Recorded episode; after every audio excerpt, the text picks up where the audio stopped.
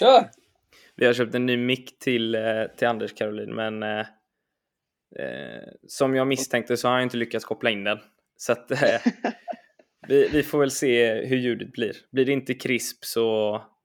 Jag, har, jag har ju kopplat in den och den är, den är ju ändå här. Mm.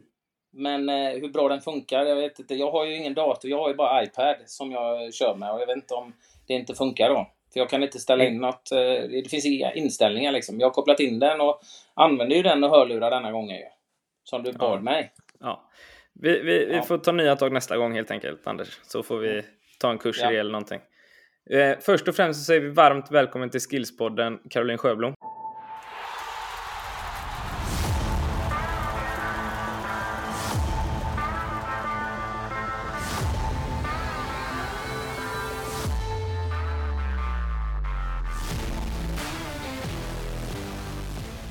Så mycket. Sjukt roligt att ha dig här. Ja, det känns eh, roligt att vara med. Jag har sett eh, den här snygga loggan med, med Anders cirkulera i olika medier. Så ja. att, eh, kul så att få inbjudan. Om det är en bild på mig. ta inte i nu. Ta inte i nu. Det är en fin röd färg är det. Ja, precis. Ja. Ja, men vi, vi har ju den här podden där vi, där vi pratar om eh, fotbollsutveckling, främst svensk fotbollsutveckling. Eh, vad vi tycker om svensk fotbollsutveckling och, och svensk fotboll överlag och vad vi kan göra annorlunda och så bjuder vi in gäster med, med lite olika perspektiv på, på svensk fotboll. Eh, och du har ju en hel del olika perspektiv, nästan, om man ska liksom koka ner det lite. Du har varit spelare, eh, själv. Spelat i Champions League bland annat. Eh, Djurgården. Eh, och du har varit tränare länge. Du, du avslutade din egna spelarkarriär ganska tidigt va? 22? Ja, det stämmer. Mm. Ja, 22 års ålder slutade jag. Ja. Får jag fråga varför? Um, ja, jag tror att jag uh, var den där typiska spelaren som har gått liksom den hårda vägen. Man har jobbat hårt och, och, lagt ner otroligt mycket tid på fotbollen. Men, men var i den generationen där man fick liksom 10 000 att leva på och mm. förväntades att vara professionell varje dag.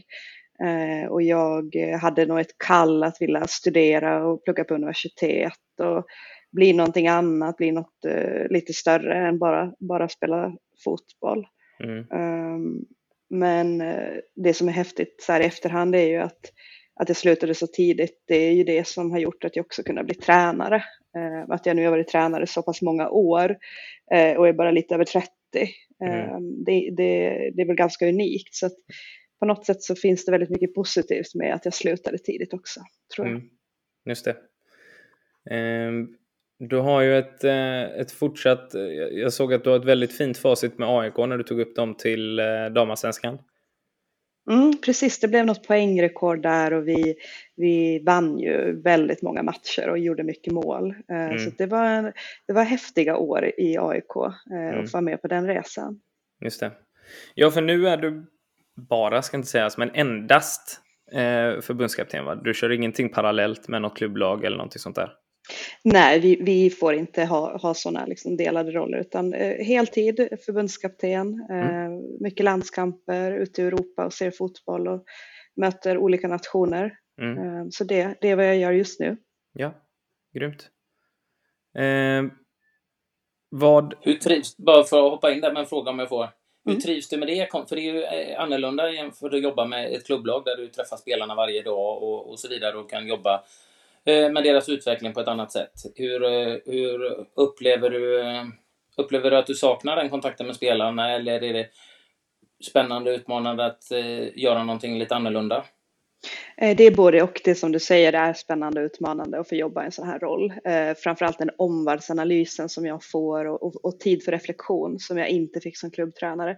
Då är man i det ekorrhjulet, det snurrar hela tiden. Det, det, är nästa match, snabb analys, nästa match och det här dagliga samtidigt som det dagliga med den sociala kontakten, den, den är ju oslagbar det vet ju du som gammal spelare, att det här omklädningsrummet, eh, det här man, man lär känna varandra, man jobbar väldigt nära.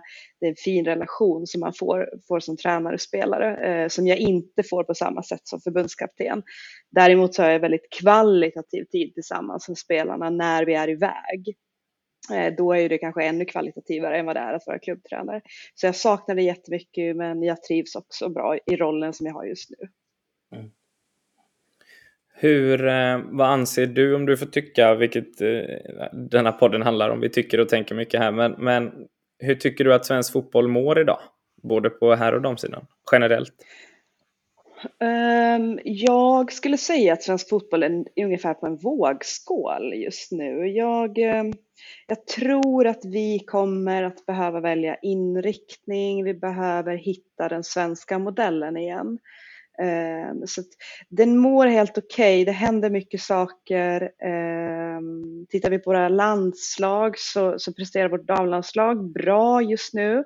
Men det är många nationer som är där och Eh, det händer saker, framförallt resursmässigt men också att det är många bra spelare där ute i världen. Eh, på herr och pojksidan, eh, där ser vi att det behövs till någonting för att klara av, ja men vi ser ju på landslaget att vi, vi har ramlat ner. och det är ju inget bra för svensk fotboll. Eh, sen tycker jag det sker väldigt mycket bra grejer ute i, i akademierna. Eh, det jag ser, jag tycker det blir mer och mer duktiga tränare och välutbildade tränare. Men jag kan inte liksom gå djupare än så för att jag är så lite i, i pojkfotbollen. Mm. Eh, så att jag kan inte uttala mig så mycket om exakt vad det är de gör där. Men det är någon vågskål. Jag tror att vi behöver börja bestämma lite riktning och fundera lite vart vi vill med mm. den svenska modellen. Och vad är din, vad är, eh, din spontana vad, vad, eh, åsikt? Vad, vad, vad, är den svenska modellen? Vilken modell skulle du vilja se? Um, Ja, alltså jag vill ju först och främst att se liksom från, från vår tränarutbildningssida och, och vårt ledarskap. Vårt ledarskap är ju erkänt bra i världen och det är många förbundskaptener, framförallt på, på damsidan, som är ute i världen och eftertraktade. Så ledarskapet, det tycker jag man ska diskutera. Vad är det svenska ledarskapet och eh, hur kan vi jobba med det ledarskapet för att få fram ännu fler duktiga spelare? Eh, att det handlar inte bara om mjuka värden som är jätteviktigt, men också rent fotbollsmässigt vad gör vi på planen och vilka övningar designar vi? Så tränarskapet tycker jag vi ska diskutera och, och, ta med alla bra grejer vi gör och som vi har gjort. Alltifrån Svennis vet jag att var med här nyligen och, och utifrån de generationerna tränarskap. Eh, men sen tycker jag att vi behöver fundera lite kring själva eh, tävlingssammanhanget som, som fotboll. Att, att det handlar ju om att göra mål, det är två mål. Eh, oavsett om det är barn eller vuxna så, så, vill man ju vinna den där matchen. Och det tycker jag vi behöver lägga in i våra träningar. Själva tävlingsmomentet. Att det finns en trend just nu att det är väldigt mycket eh, rondos, ni vet possessionspel, det finns sådana som, som kör mycket utan riktning och det, det är bra att köra sånt också. Men så fort du sätter ett litet småmål på, på änden så börjar spelarna glidtacklas. Och då blir det en annan typ av övning och ett annat typ av spel. Och det där tycker jag är viktigt att diskutera, hur vi, vi får in tävlingen i varje moment. Eh, för att eh, nu ser jag bara liksom toppen på isberget när vi är ute och tävlar och spelar med de bästa. Men, men eh, det, det, är många nationer som är bra på, på att vilja vinna eh, mm. och, och har det i sig som ett DNA. Och det är väl också lite som du är inne på där också med det här med intensiteten och vinnarinstinkten på, på träning. Och där, eh, andra som vi har haft tidigare i podden har ju som har spelat och varit utomlands och spelat, de upplever ju också en annan intensitet i träningen såväl eh, även eh, så nära oss som Danmark, att det är ganska mycket högre intensitet. Och det är ju någonting som jag håller med dig om, som man får med, med mycket, mycket smålagsspel, mycket alltså tävlingar där det, det handlar om att vinna. Då får du ju upp det automatiskt, för nästan alla som spelar är ju vinnare liksom och vill vinna och då höjs intensiteten, som du säger, bara med att du ställer ut två mål att det är mot varandra. Smålagsspel som eh, vi pratade med Svennis i en tidigare podd där också om att väldigt mycket smålagsspel. Eh, dels så blir det, det bra träning, det blir mycket, många situationer, många lösningar, utmaningar du sätts för, men du får också upp en högre intensitet för alla vill vinna. Och eh, det kan väl jag också uppleva. Sen vet jag att det är ett bra länge sedan jag själv spelade, men att det var eh, ibland lite för, för låg intensitet i träningarna. Eh, och egentligen de bästa träningarna var oftast när det var det här intensiva matchspelet. Liksom. Fyra mot fyra körde man en del, fem mot fem och sånt där. Det blev och det blev ofta ganska bra utveckling eh, och intensitet hos spelarna upplevde jag då. Det, mm, så det är intressant att du tar upp det, för det, det, det tror jag det är en skillnad utomlands eh, kontra Sverige. Sen har vi väldigt många bra saker i, i lagsammanhållning, det kollektiva som vi är otroligt duktiga på i Sverige. Men, eh, och det ska vi behålla, för där är vi ju, tror jag, många som ser upp till Sverige, liksom, som pratar om ledarskap. Eh, att, att jobba som ett lag, få ihop lagandan och det. Men eh, det finns andra bitar som vi kan, som, vi, som du är inne på, som vi kan lyfta tycker jag. Utan att tappa det som är, är kärnan som har varit bra i alla år. Det ska mm. vi fortsätta vara, vara bra på såklart. Vi, eh, vi pratade ju, eller vi nämnde rättare sagt eh, lite kort ditt, eh, ditt fantastiska facit i AIK. Vad var liksom, ja, både var och är din tränarfilosofi? Um, Ja, det är en bra fråga, en djup fråga, men, men eh, det jag har landat i eh, efter alla de här åren som jag håller på i olika lag, eh, olika kvalitet på spelare, eh, så är det ju spelaren i centrum, vilket gör att min filosofi och, och den fotboll jag vill spela Ehm, får inte ligga högst upp, utan den högsta prioriteten är vad är det för spelarmaterial vi har. I AIK så hade vi ju akademi uppfostrade spelare som var vana med att ha bollen och har haft mycket smålagsspel, eh, mycket possession, då kan vi bygga ett spel där vi, vi låter motståndarna flytta och vi spelar bollen och vi positionerade lite, liksom hämtade saker från Pep Guardiola och, och tog lite från Liverpool-herrar och så. Mycket eh, klokt, Liverpool är mycket bra. Mm. Ja, precis, precis. Det finns andra lag att titta på också såklart. inte sponsrade på något sätt av Liverpool. Nej, men så, så, så där var det mer liksom positional play-stuket, för vi hade de spelartyperna med god speluppfattning och väldigt bra bollbehandling. I landslaget så, så, så finns det andra egenskaper också, för vi har ju mycket snabba spelare och vi har eh, starka spelare och då, då blir det lite mer mot damlandslaget och lite mer kanske den här tyska fotbollen, lite mer rakare spel som jag anpassat mig efter. Så att jag, eh, jag gör det jag behöver, men självfallet så vill jag ha mycket boll och jag vill gärna pressa och jag vill eh, kontra och spela en attraktiv fotboll. Men, men jag utgår alltid från spelarna. Vad är det för spelartrupp och, och vilka egenskaper har spelarna när jag bygger, bygger mm. filosofin. Mm. När, du, eh, när du var i AIK, eh, vi pratar mycket klubblag här nu och det kanske det kommer bli här nu också, men hade ni något fokus i AIK på individuell spelarutveckling? Ja, vi hade, vi hade morgonträningar och vi, vi tränade dem ofta i små grupper och ibland hade man en spelare ibland hade man fem. Eh, så att vi, vi jobbade väldigt mycket individuellt med spelarna och framförallt utifrån position och, och behövde någon nöta på ett crosstillslag så fick den kanske dra 20 till 50 krossar en morgon och så, så fick forwarden plocka ner bollen och utmana. Eh, så att vi jobbar jättemycket sånt varje vecka. Det, det upplever vi, vi pratar mycket om det i och med att vi själva driver och jobb, eh, brinner mycket för att eh, hitta ett samarbete med, med, med fotbollsklubbar just med individuell utveckling eh, av eh, spelares olika positioner, egenskaper och attribut som man behöver förbättra eller förfina. Och många pratar ju om eh, brist på resurser eh, och även eh, en annan eh, ett annat eh, en farhåga som kommer upp är ju det här med belastning, att man är orolig för belastningen och hur ser, ser, du på de resurser, men jag antar när ni kör ni extra träning på morgonen, då är det ju ni som, som är tränare och lägger ner en enormt mycket tid som, som får komma in. För det, det, det är klart, eh, tittar man ut, utomlands så finns det ju andra resurser just för individuell utveckling. Vilket är en, en del till att man kanske inte jobbar med det så mycket. Eh, sett över de flesta klubbarna i, i Sverige. Eh, och sen det här med belastning är ju också eh, någonting som väldigt många pratar när vi har försökt nå ut och jobba med klubbar individuellt att de är väldigt, väldigt oroliga för belastning, att man eh, redan nu tränar för mycket och där jag hävdar att eh, vi snarare tränar för lite. Men eh, de här två frågorna, vad är, vad är dina synpunkter eh, och åsikter om det? För du nämner ju själv när ni kör individuell träning, men då är det ju, ni får ju lägga ner ofattbart många timmar då som ledare antar jag för, för att kunna genomföra de här eh, smågruppspassen som du beskriver eller rena individuella pass. Ja, och eh, om det är resurser eller inte, det, det är svårt för mig att fråga, eh, svara på.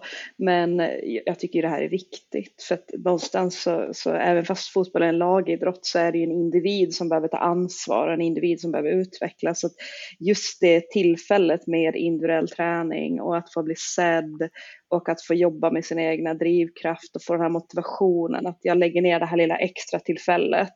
Eh, det är jättevärdefullt för det är ju det det handlar om i slutändan, att du behöver anstränga dig lite mera än din motståndare eller den du konkurrerar mot på, på den här positionen så behöver du ha gjort saker och ting lite bättre. Det behöver inte vara fler pass men det behöver vara högre kvalitet. Eh, och du behöver ha, ha, reflekterat och lärt dig mera än vad din eh, motståndare eller konkurrent har gjort. Eh, så att jag tycker att de här tillfällena är väldigt viktiga för fotbollsspelaren, att, man, att den tar ett eget ansvar för sin utveckling och, och, och ehm, inte bara faller under det här kollektiva svepet och de här generella sakerna som kan komma eh, på många lagträningar. Att man kanske inte ens tränar utifrån rollen som ytterback utan man får bara hänga med och vi pratar spelvändningar och vi, vi ska spela framåt men, men vi pratar inte från rollen. Så den ytterbacken kanske inte får slå tillräckligt många bollar framåt utifrån eh, Eh, hur det sen ser ut i matchen, att den kanske står för, för alla uppspel. Eh, så det, det, det, är intressant. Eh, sen ska vi säga att Eh, nej, men det, det, är viktigt. Det, det är jätteviktigt. Det... Du, tar ju, du tar ju upp det också, den, att det ska vara inre drivkraften från spelarna, att de vill. Och den drivkraften, jag håller med dig, den är, den är helt avgörande. Sen då, som alla har ju kanske inte den eh, turen att ha förstående och eh, passionerade ledare som dig själv och dina kollegor då, som uppmuntrar den drivkraften och, och kör extra pass dem. Men vad händer om många ledare inte har den eh, passionen att, att bemöta det drivet hos en spelare som vill träna extra och dessutom förbjuder dem för att träna extra på till exempel eh, hos några individuella aktörer. Vad händer med den drivkraften då? För de är rädda för belastning och då, vad händer med drivkraften hos den personen då? Då försvinner ju den eller avmättas ju. Du föder ju den drivkraften genom att ditt engagemang. Men det är ju inte alla som har det engagemanget och kanske ens orkar i, i längden. Och, eh, då är jag orolig att den drivkraften, för den måste komma inifrån spelarna själva, att de vill, vill bli så bra som de bara kan bli, vill förbättra saker. Eh, och, och, det möter vi då, eh, eh, till exempel eh, spelare som vill komma och träna extra, men där tränarna som inte kan ha tid och resurser att göra det själva vill heller inte att någon annan gör det. Dels för ett kontrollbehov med för hög belastning till exempel. Eh, det oroar mig då, vad händer med den drivkraften hos de personerna som inte får möjlighet att träna extra och bli så bra som möjligt. Mm, och det är jätteintressant det du säger om det där att, att, att tränarna liksom inte vill släppa kontrollen och tyvärr så finns det nog en, en sanning i det eh, som du säger. För att det här med belastning är också någonting som, som vi behöver prata om. Att nu, nu kan man inte dra ett generellt liksom över hela Sverige att spelare tränar för mycket eller för lite. Men men eh, tittar vi på utomlands så tränar vi ju mindre än många andra stornationer och framförallt akademier utomlands. Det, det gör vi ju så att eh, få in ett eller två extra, extra pass i veckan, det borde tränaren kunna pussla dit. Eh, ja, men den här dagen passar det för dig att köra lite extra eller vad det nu ska vara som, som, som den behöver köra. Men, eh, så belastningen tycker jag eh, den går att laborera med. Vi behöver nog träna, träna mera. Och sen, men du var inne på det innan också, det här med att träna mer. Det, det är inte bara att säga att vi ska träna mer, utan det ska vara träning med kvalitet också. Och här är jag, och här är jag ju så att jag, nu jobbar ju inom förbundet och eh, jag skulle ju vilja, för jag tror en, en eh, del i tränaren har ett kontrollbehov över sina spelares belastning och de är ju såklart, de är ju ansvariga för att spelarna ska vara hela och att de ska fungera till matcher. Och då tänker jag en kommunikation mellan individuella aktörer och tränare och sånt är A och O.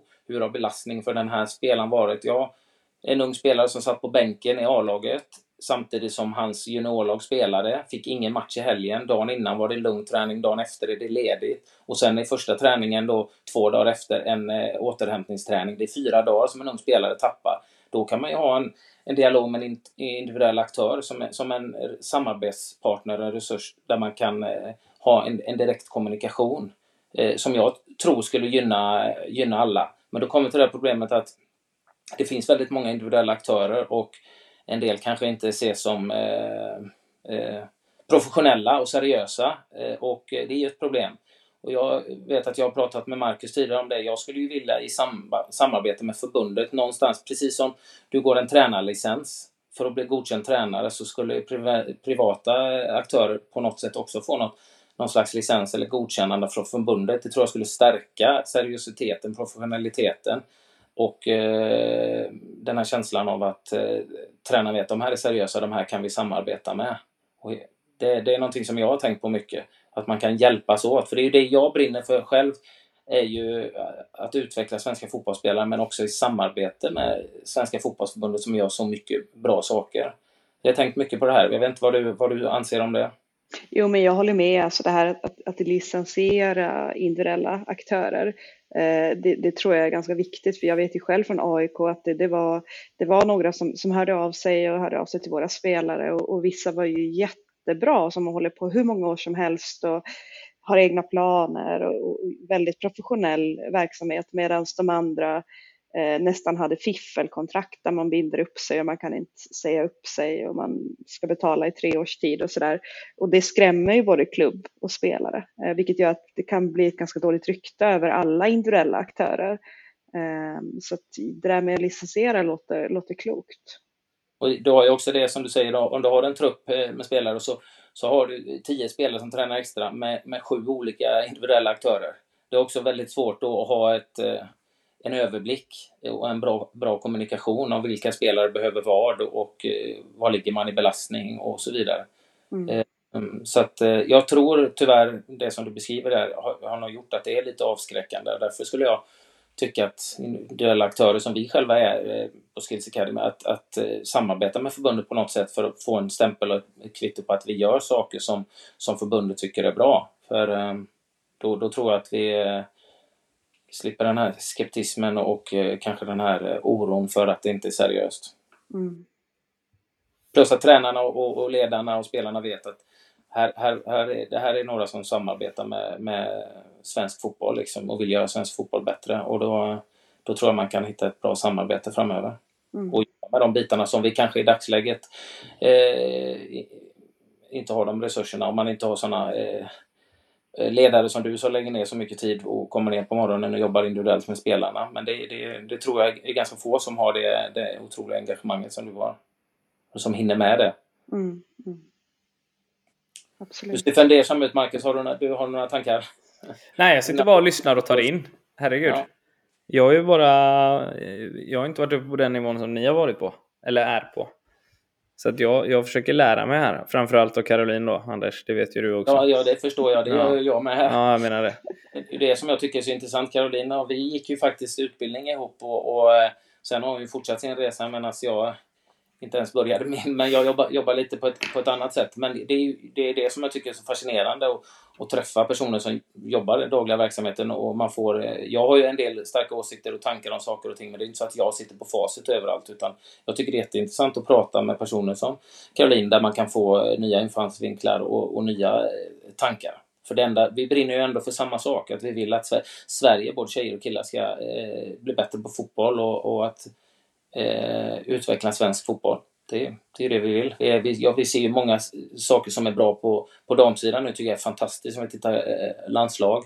Du spelar en bra fotboll och där konkurrensen blir bara hårdare och hårdare på damsidan och ändå så ligger Sverige i topp liksom och levererar och presterar och spelar en bra eh, underhållande fotboll, utvecklande fotboll, unga spelare som kommer upp. Jag tycker det, eh, det då ser det lite tyngre ut på, på herrsidan. Eh, Dock ska vi komma ihåg att vi, vi var i kvartsfinal i VM eh, för, för fyra år sedan och eh, vi kan inte räkna med att vi ska eh, ens vara i VM varje, varje tillfälle. För det, där, där är vi inte. Så att, eh, ibland, går det, ibland går det upp, ibland går det ner. Just nu är det lite, lite, lite mer motgång men eh, förhoppningsvis vänder det och vi är på väg upp på här sidan också. Så men det kommer att, inte vända om ingen gör någonting? Nej, nej, men det är just det. Det, det, det är vissa saker som, som som oroar en. En sån sak som oroar mig är att spelare, unga spelare, i alla fall på killsidan, jag vet inte hur det är på damsidan, men på tjejsidan, men det börjar väl bli också att de sticker väldigt, väldigt tidigt. Och då, då får det mig att ringa en varningsklocka, att de känner att de får en bättre utbildning eh, och utveckling utomlands än vad de får i Sverige. Och det gillar inte jag. För det, jag tror det är väldigt, väldigt få som har det mentala att klara att flytta hemifrån i en sån tuff miljö som den det är utomlands. Som 16-åringar klarar det. Vi ser vissa undantag men majoriteten kommer tillbaka stukade och eh, det tycker jag är lite oroväckande. Ja, och det kan jag också bara flika in på. Jag såg faktiskt den, den filmen Tigrar eh, nyligen. Jag vet inte om ni har, har sett den.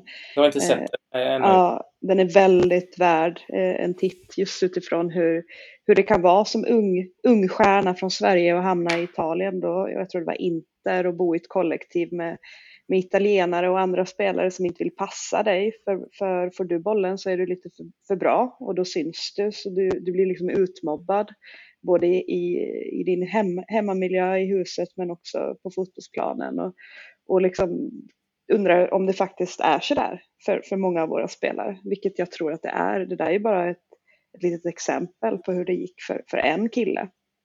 Um, så att jag, jag håller med dig, vi behöver hålla dem hemma lite längre så att de får också gå klart skolan och eh, hitta sig själva lite mera um, som människa. Och hur Absolut. ska vi hålla kvar dem i så fall? Ja, vi måste göra någonting för att ha kvar dem och förstå att, att vi är duktiga på att utbilda spelare och utveckla spelare och där har vi kanske en del att, att förändra och den förändringen håller väl på. För det är ju faktiskt så det är utomlands. Jag var själv, men då skulle jag fylla 25 när jag var där. Men det första jag fick när jag kom över, det var att träffa en kille som, som var inne mittfältare på min position och presentera mig för honom gjorde ledningen liksom. Ja, äh, sa till Matt, hette han, det här är Anders från Sverige, han är här för att ta din plats. Och så skrattade de lite. Och sen märkte jag ju att vi påminner om varandra som spelare och jag märkte ju att han försökte slå passningar som egentligen var lite för hårda, lite svåra, men det skulle bli jag som tappade bollen.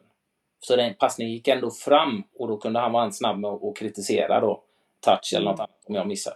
Så det, det, det fungerade så. Då var jag 24-25. Så att jag var ju liksom etablerad spelare i Allsvenskan, hade spelat i landslaget lite grann. Så jag klarar ju att hantera det. Men tänk att man kommer som 16-åring. Eh, det, det, är oerhört, oerhört tufft. Mm. Och då är det, vad, vad, kan vi göra för, för förändringar i, i, i svensk fotboll eh, just när det gäller eh, att behålla våra spelare och utveckla? Det, det, det är inte samma på, på damsidan. Det är väl inte så många unga tjejer som försvinner iväg, även om det har börjat eh, försvinna spelare även där. Ja, det, är fler och fler som får agenter och, och, får, får, bra hjälp där och, och rådgivning. Men eh, jag tror att det kommer att komma dit som, som killsidan är. Att det blir attraktivare att åka utomlands tidigare. Eh, och kanske till och med under gymnasietiden att, att sticka iväg. Så jag tror att det kommer att komma dit. Eh, mm. Sen är väl snittåldern i damallsvenskan är väl lägre än herrallsvenskan va? Alltså mm. en, en, eh, en 17-18-årig tjej eh, kan ju redan ha liksom inte slått igenom men, men ändå liksom tagit en ganska ordinarie plats i damallsvenskan medan, ens, medan en 17-årig kille har lite tuffare att ta sig upp och spela liksom seniorfotboll tidigare än vad en tjej kan göra. Eller kan göra, mm. men så ser det ut i alla fall, att det är en lägre snittålder. Då kanske det blir enklare också att, att behålla eh, tjejspelarna och de, de unga talangerna på tjejsidan än på killsidan. Jag vet inte. Absolut, för det, det, finns den här vägen upp till, till damlaget. Den är lite av, kortare. Liksom. Avtalet. Mm. Ja. Och sen upplever jag, nu, nu är jag på hal is här, men jag tycker det att brukar vi vara, så det gör inget. Nej, men att tjejer är lite lugnare med det här med att det behöver inte vara så mycket pengar i det här avtalet, utan man är mer tacksam och eh, gud vad häftigt jag får, får vara i Rosengård nu och tjäna någon tusenlapp. Men sen kanske det har med rådgivarna att göra, att de här unga killarna har, har agenter som, som vill att de ska iväg också. Men eh, jag tycker att det finns en liten sån här, just kring pengar, att det är lite för viktigt eh, för tidigt för unga killar. Där, där, där är nog problemet, i alla fall ännu är det problemet mycket, mycket större hos killarna att de tänker pengar. Och det är ju två aspekter egentligen som gör att de sticker tidigt. Dels blir de lovade pengar som är svårt att tacka nej till och de, de ser väldigt mycket pengar hellre än eh, vad som kanske är rätt val, tror jag. I alla fall på killsidan. Så att det är ju, ekonomin är ju svår att, att, att mäta sig med eh, övriga Europa men eh, vi kan ju se till att vi, vi har så duktiga, utbildade, vettiga ledare i Sverige så att vi är väldigt, väldigt bra på att utbilda våra spelare. Det är ju våran väg. Men det vet jag hur, hur eh, snacket gick med, med Alexander Isak när han skulle ut. Då var det ju många som liksom sa nej, han ska inte sticka än, ta några år till i allsvenskan, bla bla bla bla bla bla bla. Men jag tänkte hela tiden så här, för de klubbarna som det pratades om då, det var ju Real och Dortmund liksom. Och ett är ju så här, han kommer inte få en bättre utbildning i AIK än vad han får i Dortmund eller Real Madrid. Det är liksom fullständigt omöjligt, tycker, alltså känns det som i alla fall. Och sen om du tittar på det ekonomiska. Han kommer också höja sin lön ganska så kraftigt oavsett vilken klubb han går till. Det är ju liksom en no-brainer. Alltså hade jag varit, hade jag varit agent eller, eh, eller rådgivare till Alex där så hade jag ju bara stick.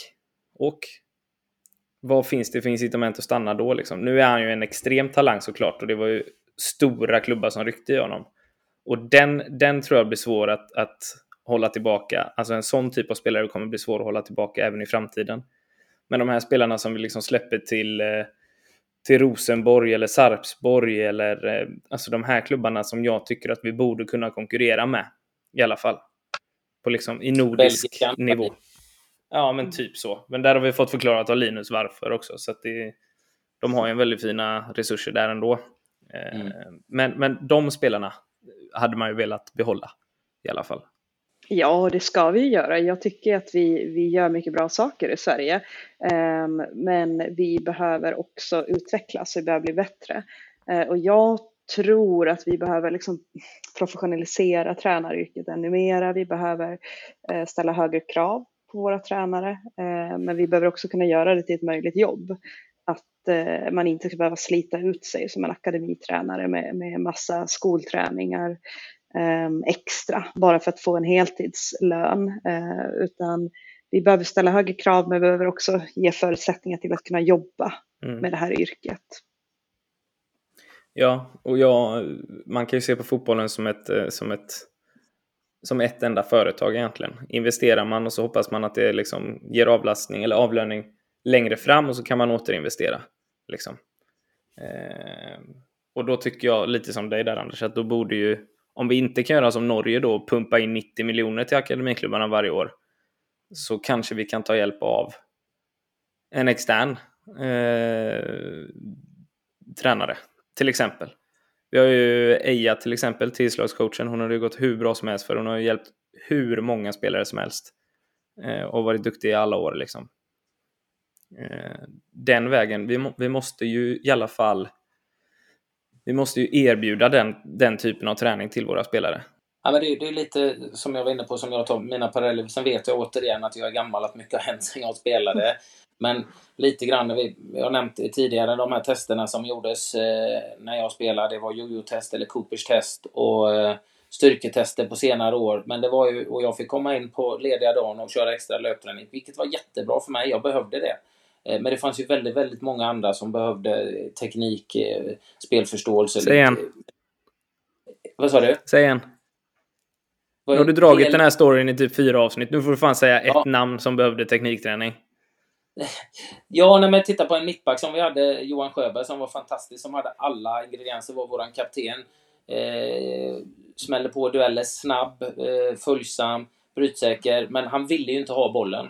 För han visste att han inte kunde, han, han var inte tillräckligt trygg med bollen och kunde le leverera bollen, vilket mer eller mindre gjorde att han eh, lämnade över problemen oftast när han skickade iväg bollen. Eh, han skulle mått jättebra eh, av eh, individuell träning eh, för att bli betydligt tryggare med bollen. Sen vill inte jag bara träna upp svagheter utan jag vill ju även förfina de här eh, spetskvaliteterna vi har för att bli ännu bättre i, det, i de det är ju ännu mer tydliga roller nu i, i fotbollen än vad det var förr, liksom, där alla skulle göra samma sak. Eh, men eh, jag, brinner, jag brinner mycket för det, att, för jag tycker någonting som vi ligger efter i Sverige eh, och har alltid gjort det är att veta vad du ska göra av bollen innan du får den. För jag tycker man ser många europeiska länder, det känns som de har mycket mer tid.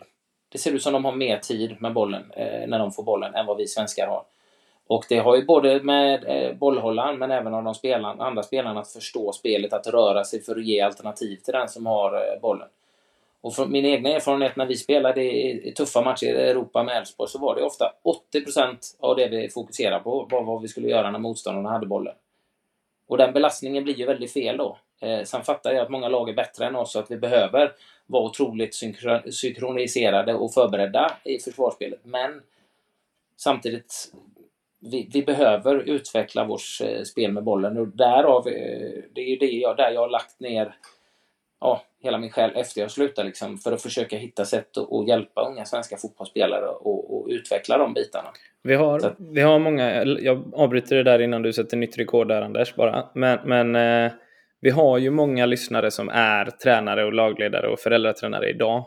Hur, hur, vi, vi får ju mycket frågor från dem liksom. Hur tycker ni att vi ska träna på de bitarna i, om vi bortser från oss så att säga, och skills. Hur ska man träna i laget på de här detaljerna? Vad har ni för bra övningar för det? Caroline främst. Tack. Um, ja, det, det finns, alltså allting handlar ju om att det du tränar på blir du bra på. Um, och du behöver också följa någon typ av metodik. Um, så jag tror ju på att, att, ha träningsveckor som är hyfsat lika varandra, Eh, som sen stegrar i, i svårighetsgrad. Att, att förstår de den här övningen, då kan man göra den lite svårare och lite svårare och så gör man den ännu lite svårare och sen kan man göra nästa övning. Så att man behöver ha en igenkänningsfaktor och, och kunna liksom jobba repetitivt med övningar. Ehm, jag tycker att det behöver finnas en bra balans mellan isolerat och funktionella övningar, alltså spelövningar där tekniken utmanas och, och man, man jobbar med sin positionering för att kunna ta emot bollen så att den som har bollen kan, kan ta snabba beslut och vi behöver ha motståndare så att man behöver jobba med beslutsfattande. Men jag tror också på att det behövs en isolerad eh, teknikträning och, och, där tittar jag mycket mot Holland och vad Ajax gör till exempel i, i deras akademi. Där man använder sig av kino, kinoteknik, eh, man, man kan ha för ena ögat och man också har en tennisboll med som man kastar Ehm, och så passar man med fötterna och jobbar med beslutsfattande. Eh, för de har ju sett att liksom vara bra koordinativ med hela kroppen så kan gynna ditt, ditt spel med fötterna och din, din spelförståelse och stress, stresstålighet eh, när du är i en pressad situation. Ehm, och att du också kan ta emot en studsande boll eh, med olika kroppsdelar är jätteviktigt. Så att det inte bara handlar om att ha bollen nere på marken hela tiden. Eh, men, men jag tror väldigt mycket på att ha en metodik som, som du följer och du tror på det, jobbar med den utifrån från, från åldersgrupper och, och hela vägen upp till, till att spelarna ska nå ett, ett A-lag. Um, och jag tror att det var Roland i, i Malmö FF som sa till mig en gång att metodik är gratis, det är ingenting som kostar. Du behöver bara ha, ha tänkt igenom det och utvärderar och, och, och förändrar hela tiden. Men metodik är gratis, så mm. det klarar oavsett eh, om det är en klubb ute i bygden eller om det är AIKs akademi, klarar av att ha en metodik. Mm. Sen tycker jag också eh, det här med, med stegrande utmaning, absolut, jag håller helt med om det. Men jag ser också ganska många tränare som sätter upp en övning där det först inte funkar med spelarna. Och då har jag sett att man istället byter övning till någonting som är enklare och, och visst, det kan man göra om man har lagt ribban alldeles för högt, men jag tror det var Svenny som sa det liksom i förra avsnittet att det kommer se bedrövligt ut de första veckorna. Men ge det tid så kommer de att klara det till slut. Och, och, och det var liksom hans mantra ja, men det är helt rätt. Det, det, det, är helt rätt. Vi, eh, jag har några sådana övningar som jag alltid kör med, med, med landslaget i början av samlingar, framförallt efter resdag. Ehm, och och så, så tittar man på övningen i början. Det kan vara så spel, dubbelkvadde och man, olika roller och mm. ganska trång yta. Eh, och bara fasen, det är ju något fel, det här funkar inte, vi måste göra mm. ytan större, vi behöver göra någonting. Men, men efter en kvart, då klickar det och det ser hur bra ut som helst. Mm. Eh, så precis som du säger, den, den stegringen i en övning behöver vi, det får vi inte vara rädda för. Nej, jag tycker det. är också ha tålamod med övningar. Att låta Precis.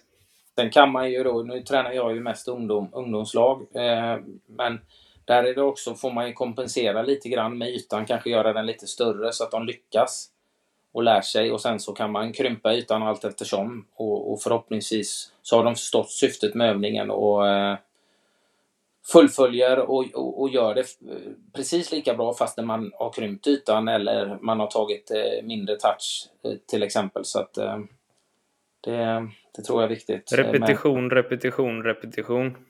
Precis. Mm. Nej, men jag, jag tror stenhårt på det. Eh, det kan ju vara den allra enklaste övningen där du kan bygga på instruktionerna för att försvåra det också. Du behöver ju egentligen inte, jag tycker inte du behöver förändra måtten på en, på en övning speciellt mycket, men du kan, ju, du kan ju lägga till och ta bort instruktioner också. Du kan lägga till en joker, du kan ta bort en joker, du kan spela med två jokrar, vad som helst. Men övningar, övningar som, som tvingar spelarna att fatta egna beslut, snabba beslut och mycket spel, eh, hävdar jag då. Eh, framförallt i lagträning. Skriver ni under på det eller? För då skickar jag in det till SVFF imorgon. Och så... Vi skriver under. ja, vi skriver under på det direkt. Ja, mycket bra. Mycket bra. Men då, ska vi, då kommer vi in på min, min eh, fråga eller direkt? Vi ja, vi hade ju lite försmak på den innan så att här kanske du får ett negativt svar Anders och då ja, får du fan ta det. Ja, sån här är jag. Jag har ingen prestige och alla tycker inte samma och hade man gjort det så hade det varit väldigt, väldigt tråkigt och väldigt outvecklande. Därav kommer jag till min fråga, Carro. eh, kvadrat eller rektangel? Eh, det är ju typ samma. En rektangel är ju kanske lite mer och, eh, folk i, typ eh, 6 mot 3 eller något liknande. Eh, men själva eh, övningen rondo, eh, för eller emot? Um... Känner inte att hela din karriär står på spel om du svarar fel. För det gör den, men nej, jag, jag skojar. Ja, det är, det är en jättebra fråga. Då är vi där i metodiken igen, att kanske ena dagen kvadrat och andra dagen rektangel. Eh, och jag är en sån där som gillar att, manipulera ännu mer, alltså att jag vill ju ta bort hörnen från rektangeln också, så att det blir en sån här eh, romb. Det är mm. mitt svar. Ja, men det, du, du är liksom för, du för, är du, men det jag menar med för och emot, är det en bra övning eller tycker du mer att det är en meningslös övning? Nej, men det är en bra, allting handlar om tränaren, hur du klarar av att sätta ut rollerna och, och instruera och få igång spelarna. Så att, eh, det kan vara en bra övning utan linjer också. Alltså allting handlar om, om ditt tränarskap. Absolut, och det är ju precis det. Du ler Marcus, ser jag nu. nu men, och det, nej, men det är ju helt rätt. För jag upplevde det här när jag spelade själv, återigen, för massa år sedan. Jag hade två tränare. Lasse Lagerbäck till exempel, fantastisk tränare och ledare som vi hade i landslaget varje gång vi tappade boll med kortpassningsspel så svor han och beskyllde eh, att det var anledningen till att vi gjorde de bolltappen var på grund av att vi envisas med att köra den här vansinniga övningen kvadraten. Eh, och han fördömde den. Eh, den andra som jag har, Magnus Haglund, som betydligt yngre tränare och med modern fortfarande eh, eh, eh, aktiv tränare. Han eh, vi fick i Elfsborg köra kvadraten på fredagar första kvarten. Fast då körde vi rektangel då, satte han upp. Ja, men låter vi killarna göra det, de tycker det är roligt, i 15 minuter. Och då blev det ju också att den yngre generationen som hade sin rektangel, det enda de försökte med var att göra tunnlar och, och liksom eh, skratta om de lyckades med en tunnel på någon. Medan vi, i den mer seriösa äldre då, där, där var ju målet var ju att hitta ett bra passningsspel med rörelse och eh, hålla dem i mitten som jagar.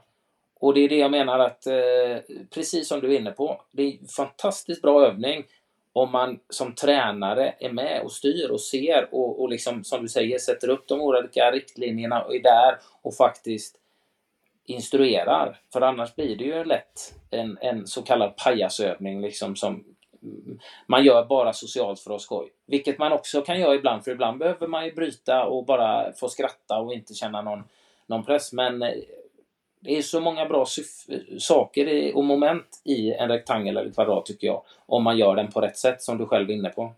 Du, du, du, är helt rätt på det för att eh, det är samma sak med fotbollstennis. Att eh, prata med fotbollstennis så är det många som bara de står och och skrattar och det är bara massa regeltjafs. Men tittar vi på Frankrike så i deras landslag så ingår det i spelutbildningen att det antingen starta eller sluta varje träning med fotbollstennis. Eh, det är disciplin, det är ordentligt, de har en studs bara varje gång och så slår de med brytpassningar och de nickar med brytpassningar. Hur ser det ut när Frankrike spelar landskamp? Jo, deras mittbackar brytpassnickar ner till sin eh, ytterback. De eh, brytpassar med volley upp till sin sexa på mitten. Eh, full kontroll. Medan mm. en svensk spelare blir lite orolig när bollen kommer i luften och så är man uppe och nickar och så blir det andra boll och så, ja, ni förstår, nu generaliserar jag, men mm. eh, och det är en sån enkel sak som fotbollstennis som vi kanske i Sverige tycker är bara blaha och det är regeltjafs och det är roligt.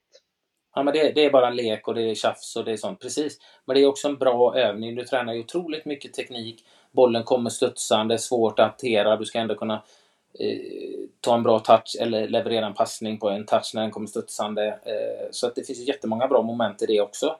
Vad sa du Caroline, eh, jobbar du, mycket, jobbar du med fotbollstennisen eller?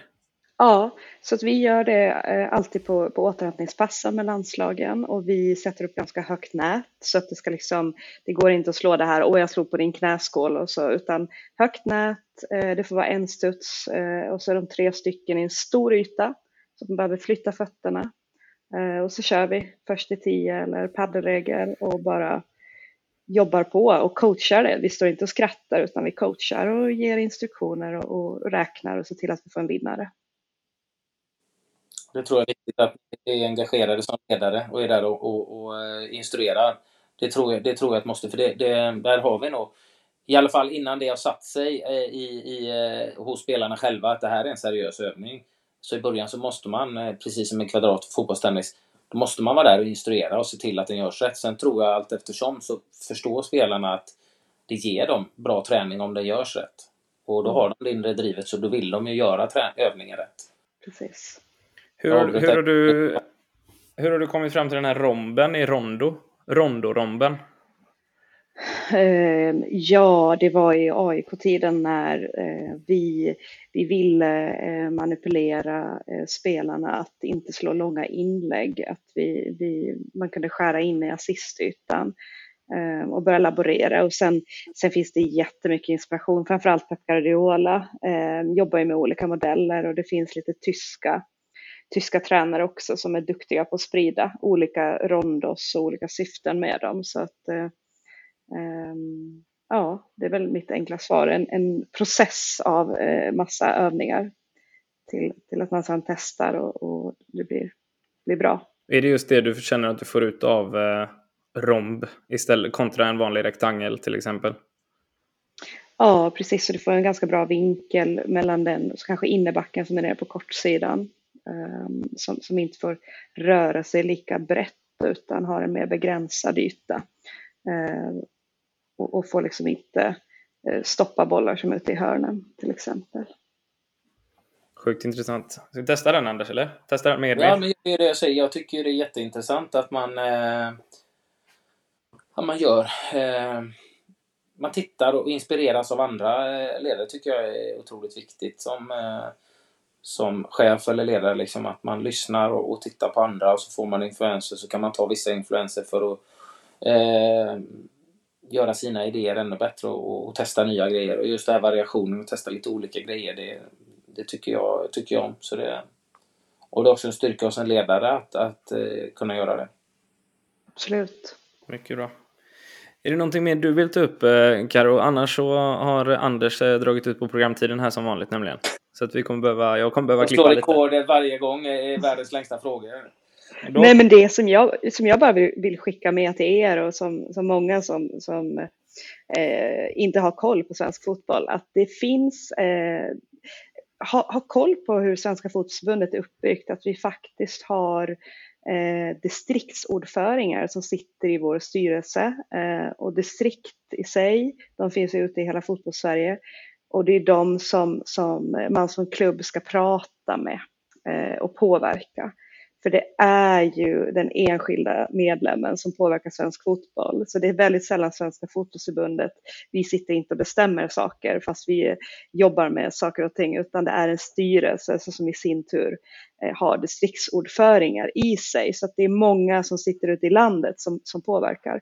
Eh, men det är viktigt att man har koll på det. Mm. Ehm, att det går att påverka svensk fotboll väldigt mycket. Men man behöver göra det via sina distrikt.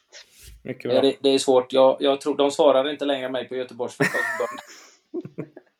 Där de, eh, men det, det, det, då blir det dubbelt så långt det här programmet om vi ska prata om eh, Ja. saker som eh, Göteborg, Göteborg gör. Vi får ju bjuda hit någon från podden då. Eller till podden. Ja, jag ska, jag ska faktiskt göra det. Men vi är väldigt glad, Caroline, att du tog dig tid att vara med. Det är väldigt intressant att, att lyssna på dig och du gör ett fantastiskt arbete. Jag hoppas att du fortsätter göra det. Du har en eld och en passion inom dig med att driva svensk fotboll framåt. Och, vi är väldigt glada att du har varit med och vi önskar dig stort lycka till eh, framöver. Tack så mycket och detsamma. Grymt. Tack så mycket för idag. Tack.